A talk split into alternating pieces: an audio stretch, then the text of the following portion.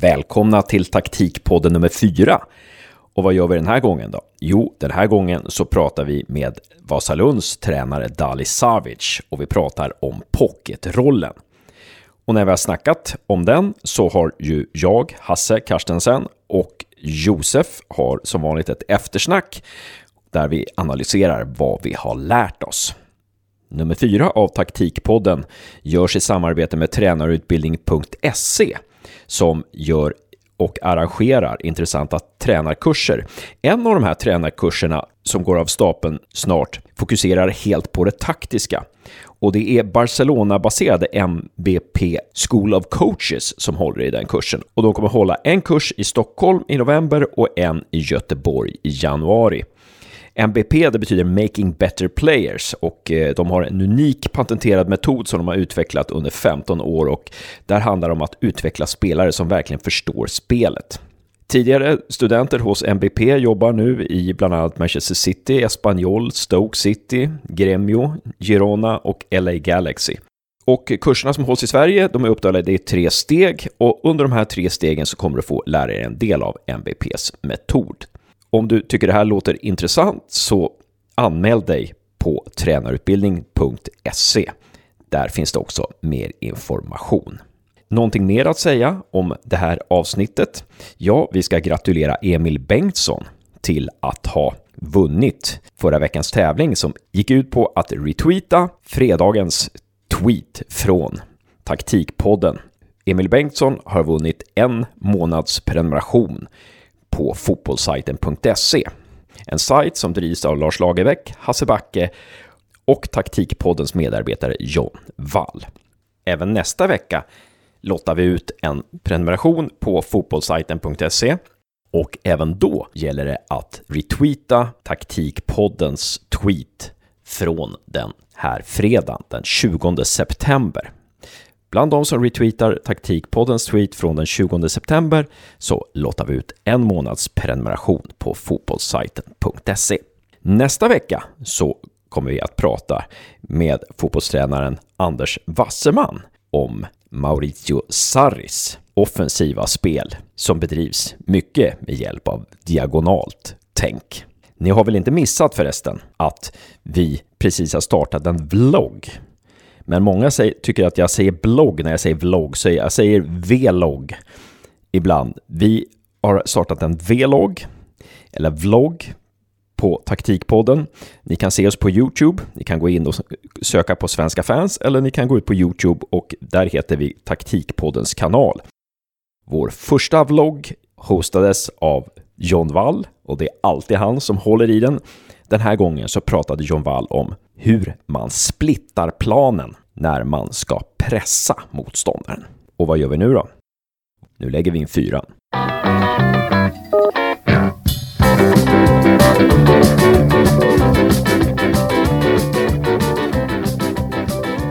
Välkommen till Taktikpodden Dali Savic. Tack snälla. Grymt att ha dig här. Du är ju, nu ska jag presentera dig här, får du se om det är någonting som fattas. Du är just idag eh, huvudtränare för Vasalund, eller en av tränarna ska jag säga, för Vasalund i division 1 norra. Du har innan dess jobbat i BP. Sedan 2015 jobbade du med U19 och U21 och du ledde U19 till flera seriesegrar och ligacupguld. Och förutom att ha varit ansvarig i BP för U19 och U21 så har du även jobbat i Superettan med Syrianska och i Allsvenskan med BP, med A-laget. Har du någon spelarkarriär också som vi ska prata om? Nej, det är väl inte så mycket att prata om den, men eh, som ungdomsspelare så började jag min karriär i den lokala klubben Nackdala ute i Tumba, Botkyrka. Hamnade ganska kvickt i Djurgårdens ungdomsakademi. Vann pojkallsvenskan 1996. Det är väl som största merit och hade någon provträning med Crystal Palace där senare på, på hösten, vintern. Men blev kvar i Sverige. Sen seniorfotboll så um, spelade jag i division 2, Huddinge, Plavi Team och slutade år 2001 eh, som aktiv fotbollsspelare. Åkte ner till Mallis och blev bartender en sommar och när jag kom hem från den resan så bestämde jag mig för att bli tränare och sen började tränarbanan, 23 år gammal ungefär. Är det någon upplevelse som har betytt mycket för ditt sätt eh, att eh, förstå fotbollstaktik och, och intressera dig för fotbollstaktik? Den första aha-upplevelsen jag hade, det var som spelare när jag spelade kan det ha varit en division 4-match eller division 5-match och jag spelade för en klubb um, som var min ungdomsklubb Nackdala, men jag spelade för deras herrlag på den tiden. Och så mötte vi ett chilenskt lag som hette Rapa Nui, ett, en derby ute i Botkyrka. Och den upplevelsen jag fick där var att de kändes att de var en man mer på plan hela tiden när de hade bollen. Så jag ställde mig, jag ställde mig en kort stund och började räkna. Var vi verkligen 11 mot 11? För vi kom aldrig åt dem. Vad vi än gjorde så kom vi aldrig åt dem. Och det kändes så att de var jävligt duktiga på att utnyttja det numerära övertaget, att skapa numerära övertag på banan. Vilket gjorde att vi aldrig kom åt dem. De var bollskickliga, ja. Men de kände som de var en man mer. Det var första aha-upplevelsen som spelare. Om jag funderar som tränare. Man är ju skolad i svensk fotboll att man bara man bara kör och det är samma övningar som vi kör som vi gjorde för 20 år sedan när jag var spelare. Och jag ser att man tränar på samma sätt idag som man gjorde när jag var spelare för 20 år sedan. Så har det skett väldigt lite taktisk utveckling. Men när jag var U19-tränare i BP så hade jag en serbisk kollega som kom helt som kom med andra ögon. Och där är man, tycker jag, mer taktiskt skolad.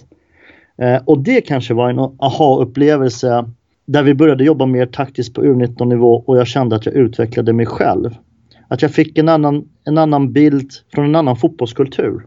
Och det är väl det jag har försökt jobba med här i Vasalund. Liksom, att jobba mer taktiska träningar än generella träningar. Eh, var det några av de här träningarna så, kan du ge exempel på någon sån här träning eller någon spelövning eller sånt där som, som, var, som du inte hade sett förut? Ja, alltså det, det, det han implementerade som jag tyckte var väldigt intressant, det var ju liksom att jobba väldigt mycket med spel på tredje man. Att man hade många spelövningar där, där det gick ut på att hitta spel på tredje, att det var fler som var involverade runt omkring bollen.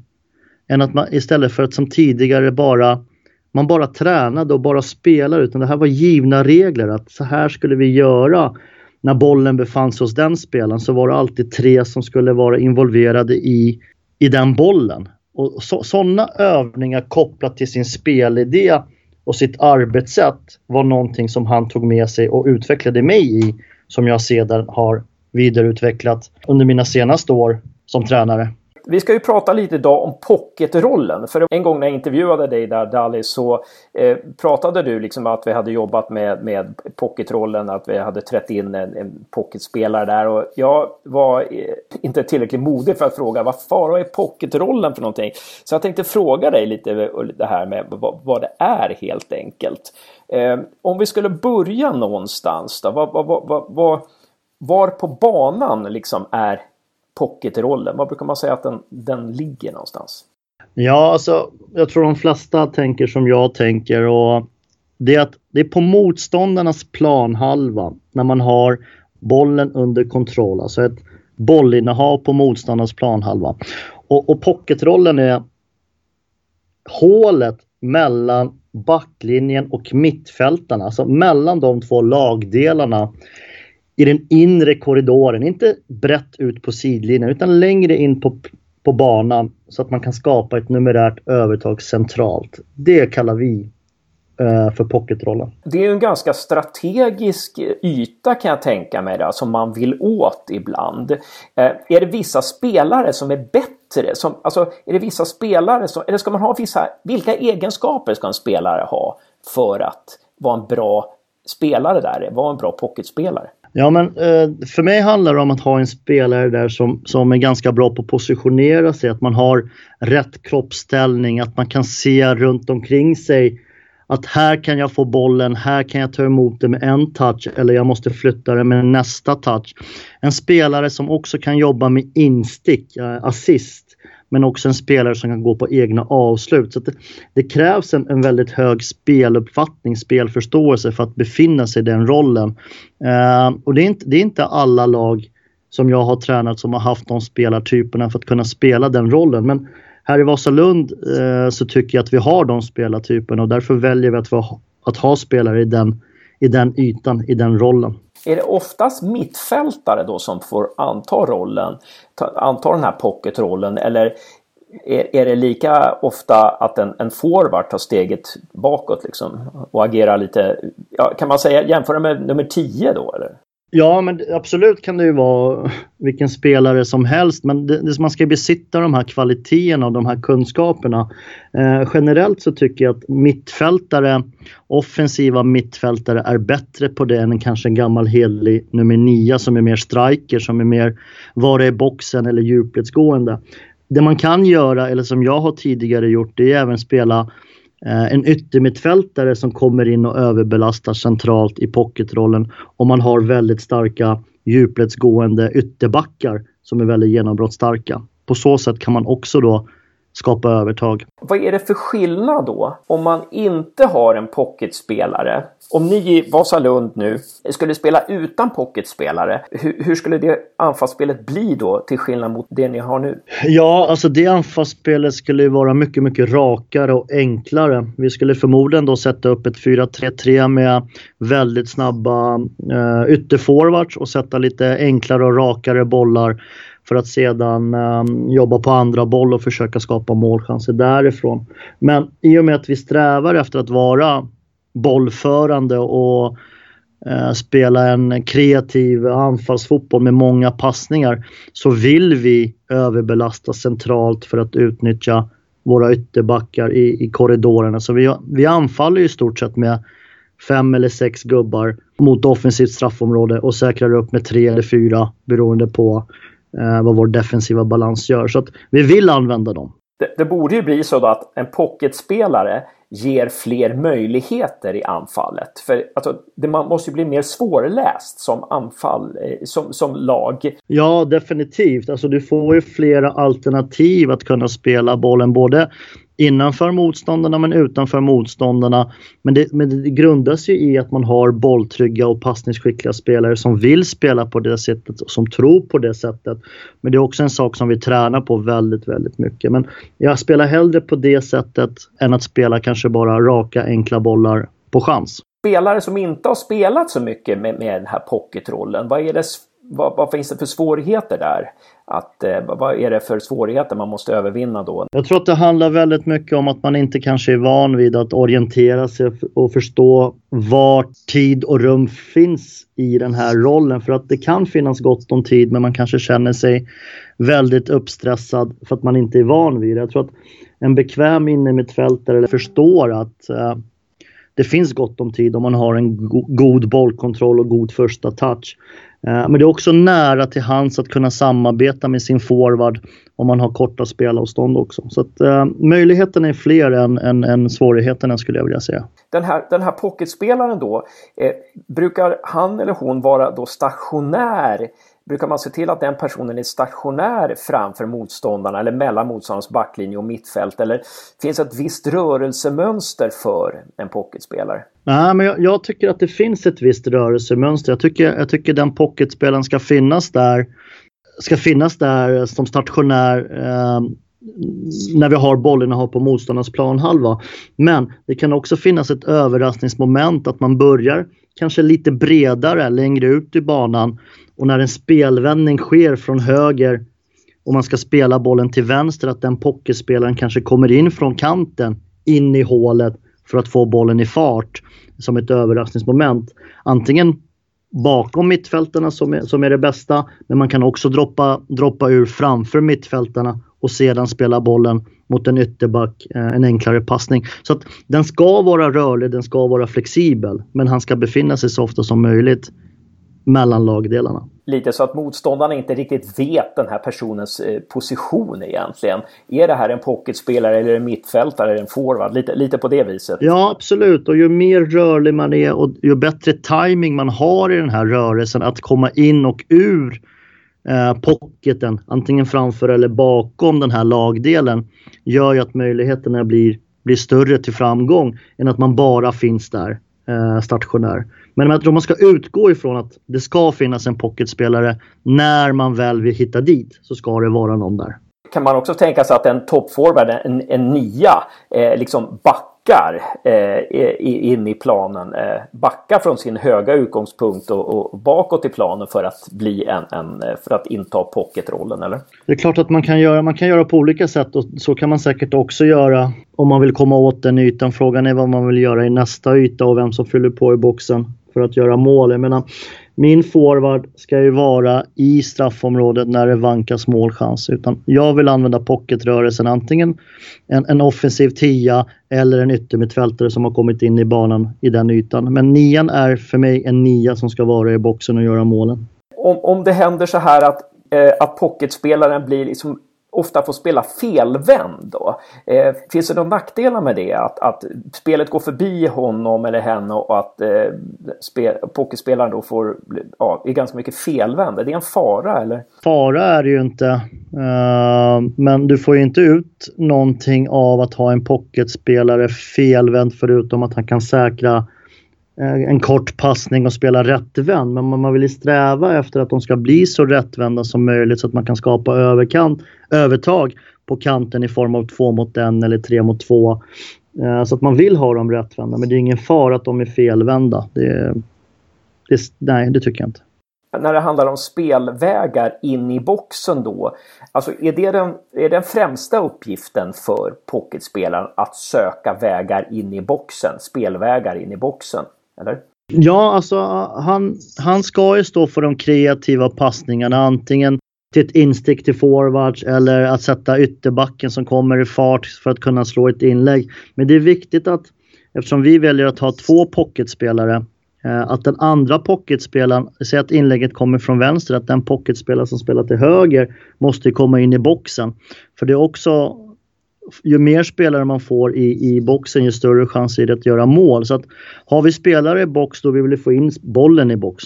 Eh, ganska enkelt. Så att vi försöker jobba med att ha minst fyra spelare i boxen vid varje gång vi kommer till anfall. Gärna fem om det går. Men då är det ju så här att det är ju som trängst. Alltså, det är ju mest folk i straffområdet. Det är ju där det alltså, alltid är mest trafik. Det, eh, och, och måste man finns det något system man kan använda sig då av, eller som pocketspelaren kan använda sig av då för att hitta, för, man, eller för att man ska kunna öppna upp, att man som lag kan öppna upp de här ytorna för pocketspelarna att, att slå de här passningarna in i boxen? Ja, så det måste vara tydliga rörelsemönster i, i vad man gör när, när bollen befinner sig antingen hos pocketspelaren, vilka vägar ska vi trä in bollen på eller vilka, vilka sätt ska vi söka avslut avslut på? Eller väljer vi då att pocketspelaren sätter ytterbacken i målchans, eller inte i målchans utan i, i inläggsfas, så måste vi ha uttalade vägar vart spelare 1, 2, 3, 4 ska ta vägen för att skapa ytor till varandra. Vi har ett ganska tydligt arbetssätt hur vi ska jobba för att sätta bollen i en cutback, en snett inåt bakåt och få målchans där med hjälp av två spelare som ska göra vissa rörelser. Men om motståndarna då, jätteintressant. Om motståndare då läser, alltså inser att den här pocketspelaren är ganska viktig för er eh, och då helt enkelt eh, ja, markerar bort den. Hur, hur, hur agerar ni då? Är det en förlust för er och hur, hur, finns det något motmedel mot det? Nej men det finns ju alltid motmedel som man måste jobba med. Att, att, att, att om stänger de våra pocketspelare så måste vi jobba kanske med att skapa övertag någon annanstans. Det, he det hela tiden handlar ju om att lura motståndarna till någonting för att få ut någonting annat. Så att till exempel när vi spelar mot en 5-3-2 uppställning så vet vi ju om att ytorna finns i ytterzon. Och då försöker man ju då spela bollen från sida till sida så att de här tre innermittfältarna får löpa ganska mycket och bli trötta. Och när de då börjar fuska i sitt försvarsarbete så har ju vi skapat ytterzon 3 mot 2. Och där måste man då sätta in attacken. Och det gör ingenting om pocketspelaren då blir markerad för då har vi andra spelare som har överbelastat de här zonerna där vi vill attackera. Och det blir ju motdraget. Kan man spela med flera pocketspelare? Alltså vi spelar ju med två, en till höger och en till vänster. Men du menar kanske, kan det vara olika spelare som kommer in i den eh, pocket um, fick, eller alltså kommer in i den fickan och blir spelbar. Är det det du menar? Det menar jag nog inte, men svara på den frågan för den var väldigt intressant. Ja, alltså man kan ju, man kan ju jobba med rotation där. Alltså att säg att våran nummer 10 ska spela till, i pocket till vänster varje gång. Men, ah, men han känner att han inte blir spelbar eller inte får bollen där. Så kan man ju rotera precis som du sa tidigare, kanske då en nia som kommer ner där och tian blir nia istället, blir en forward. Att man får en motrörelse. Eller eventuellt en ytterback som kommer in bara för att komma in i banan och så släpper man ut sin eh, tia som blir yttermittfältare. Alltså det går ju att rotera på olika sätt. Men man ska fylla de här positionerna på planen som man tycker är viktig med spelare i rätt ytor. Jättebra. Och då är det så att ni spelar alltid med två pokerspelare i Vasalund då? Yes, det gör vi för att vi vill ha centralt övertag. Och sen har vi väldigt duktiga ytterbackar som vi vill sätta i spel. Är det vanligast att man spelar med två pocketspelare eller spelar lag, en del lag med en och tre också? Eller? Uh, jag tror att det är vanligast att spela med två. Uh, med en har jag sett också, men jag har inte sett med tre. Om man inte säger att, att man kan ha en pocketspelare som släpande anfallare då, bakom nian. Kan man säga att pocketspelaren har ett speciellt sätt att delta i försvarsspelet och i så fall hur, på vilket sätt? Ja, men om man spelar med många spelare på offensiv planhalva med ett kontrollerat bollinnehav där man har eh, fem, sex spelare i eller runt straffområde och man jobbar med ett kortpassningsspel. Det betyder då om man tappar bollen så finns det stora möjligheter om man jobbar då med en direkt återerövring att kunna ta tillbaka den väldigt snabbt. Om man då skulle spela, du frågade mig om jag inte valde att spela pocketspelare, hur skulle vi spela då? Om jag spelar då med tre forwards och vi spelar bollen på chans så har vi ingen möjlighet till direkt återerövring heller för att då har vi långt till försvarsspelet. Så ett, ett kontrollerat bollinnehav med många spelare runt bollen gör ju att vi kan få ett väldigt bra försvarsspel att ta tillbaka bollen snabbt. Bra, så att eh, pokerspelarens främsta uppgift i försvarsspelet är helt enkelt att eh, återerövring av boll. Exakt, korrekt. Tack så väldigt mycket Dali Savic för att du tog dig tid och vara med i Taktikpodden. Nu vet jag mycket mer om pocketrollen. Absolut, det var trevligt och en ära att få prata med dig. Jag hoppas att du och alla andra blev något klokare.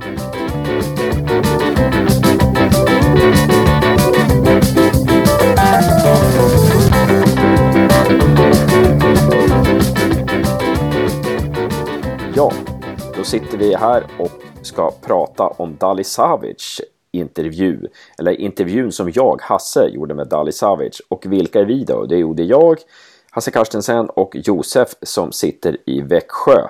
Ja, men Josef, vad tyckte du då om Dali Savic? Han, det fanns ju många trådar där att hugga tag i. Vad var det speciellt som du tyckte var intressant när Dali pratade om pocketrollen? Jag tyckte det främst var intressant över när Dallas sa att han ville ha sina spelare på en specifik yta och är rättvänd. Så att det känns som ett fenomen som inte används eller som inte kommuniceras lika ofta som det säkert används. Att vanligtvis får man en känsla av att alla vill ha spelare på vissa positioner för att det passar taktiken. Men medan Dahle mer pekar på att jag vill ha en spelare här på ytterkanten med väldigt specifika egenskaper. För att det skulle gynna vårt anfallsspel väldigt, väldigt mycket. Det tyckte jag framförallt var intressant i hans definition av pocketrollen. Efter att jag pratade med Dali här nu så har jag tänkt väldigt mycket på det här med lag som saknar en, just en spelare där i mellan backlinje och mittfält, motståndarens backlinje och mittfält. Jag tänker på Sundsvall till exempel under Joel Cedergren. De spelade ju väldigt fint, men de kom aldrig in i den där ytan mellan mittfält och backlinje. Väldigt sällan kom de in i den ytan. Däremot om man ser till exempel Norrköping och Malmö är ju väldigt bra på att komma in där och Hammarby också. Eh, just att de hittar, hittar den ytan och kan hota med inspel eh, i, i boxen. Det är svårt att eh, hitta den ytan och, ha, och, och liksom kunna kontrollera det området. Jag har själv aldrig hört om pocketrollen innan eh, Dali snackade om den. Jag skulle vilja se eventuella nackdelar med pocketrollen. För som Dali lyfter fram den så är den otroligt gynnsam för offensiva spelet och man får övertag centralt i den inre korridoren. Vilket man ofta vill ha. Man vill ju komma med många gubbar i inre korridoren snarare än i yttre. Jag tyckte också var väldigt spännande från intervjun att eh, hans eh, förändring av hur upplägget av träningarna ser ut. Att eh, i Sverige gör man fortfarande samma övningar som man gjorde för 30 år sedan. Dale har fått fram spelare som Nabil Bahoui till exempel. Det hörs ju kanske mer inom fotbollssverige att man vet att han fick fram han. Medan utåt så tänker man ju att det är AIK som har slipat eh, den, eh, eller putsat eh, diamanten. Som redan, den oslipade diamanten. Att du inte har hört talas om pocketrollen. Jag har inte hört det så mycket heller, uttrycket pocketroller, utan jag hörde det nog kanske från Dali Savage för några år sedan för första gången. Enligt John Wall så är pocketrollen en AIK-uppfinning. Att det är just AIK som brukar använda sig av speciella pocketspelare. Och det är ju inte konstigt att eh, ja, Dali Savage är ju, spelar ju, eller tränar ju Vasalund nu som är en, en samarbetsklubb till AIK. Och det blir inte så konstigt heller att eh, en spelare som Nabil Bahoui då tar klivet från Brommapojkarna till AIK. Där han inte behöver anpassa sig till en ny taktik. Utan det är ett eh, moment han har använt sig av under sina ungdomsår. Så när han då kliver in i seniorfotbollen efter något år i BP så blir det inte helt främmande i vad han ska göra på plan. John Wall och eh, en del tränare med honom menar att då att det som skiljer deras sätt att se på det är att just AIK och kanske BP också ser pocketrollen Dali Savic får mejla mig om jag har fel här, men ser pocketrollen liksom som att flera olika spelare kan inta pocketrollen. Medan om jag tolkar det rätt att AIK och Vasalund och kanske BP skräddarsyr pocketrollen åt vissa spelare. Så uppfattar jag det när jag pratar med John i alla fall. Jag tycker det är intressant det Dali Savic eh, menar med pocketrollen, att man måste ha ett sånt otroligt bra samarbete mellan mittfältare och anfallare. Och att eh, mittfältet och anfallet måste tro på den här idén de gör tillsammans. Hur kan man se på spelaren att de tror på idén ute på plan? Om man inte tror på idén, hur gör man då för att vända det här till Eh, att man börjar då tro Eh, en, en, annan sak som jag tänkte på, det här med Vasalund spelar ju otroligt offensivt och han säger det att han vill ju helst fylla på med fyra, fem spelare i boxen i varje anfall. Och det är ju så, de spelar ju så otroligt offensivt Vasalund och jäkla mycket mål alltså. Så att eh, ni som bor i Stockholmstrakten, åk och titta på Vasalund på Skytteholm för det är verkligen alltså, underhållande fotboll. Det är verkligen offensiv fotboll alltså. Eh, och eh, ja, han vill ju ha in mycket folk i straffområdet eller i boxen. Verkligen. Eh, och de har ju spe sina speciella löpvägar där när de, när de springer eh, också. Jag tycker också det var spännande här när man pratade om gentemot 5-3-2. När man skulle möta 5-3-2 så, så finns ytorna i ytterzon. Att det, att det handlar då om, ska man möta man 5-3-2 då handlar det om att använda sig av spelvändningar från sida till sida för att trötta ut de här centrala mittfältarna och sen kunna bli övertaliga på vissa ytor och, och då sätter man in attacken. Det tyckte jag var spännande Jag reagerade på det första gången jag såg Östersund live. Var under Graham Potter. Att eh, spelar man mot Östersund ska man nästan sätta upp ett handbollsförsvar. För de slog nästan aldrig djupled då, utan de slog nästan från kant till kant. För att försöka dra isär. Eh, och eh, i början så gick ju inte det så jättebra mot de mer defensiva klubbarna i allsvenskan för Östersund. Medan eh, när de mötte Bayern så, så kunde de maximera sitt eh, bolltrygga spel på det sättet. Och genom att eh, de ställde inte upp lika defensivt utan då var det att den där fotbollen fungerade ofta som ett lag som ville spela fotboll. Och när det var lag som bara ville spela för poäng så var det ju nästan omöjligt för Östersund att komma igenom på de ytorna. Ja, men vad säger du Hasse? Det räcker för idag kanske? Det tycker jag Josef. Bra jobbat! Tack detsamma!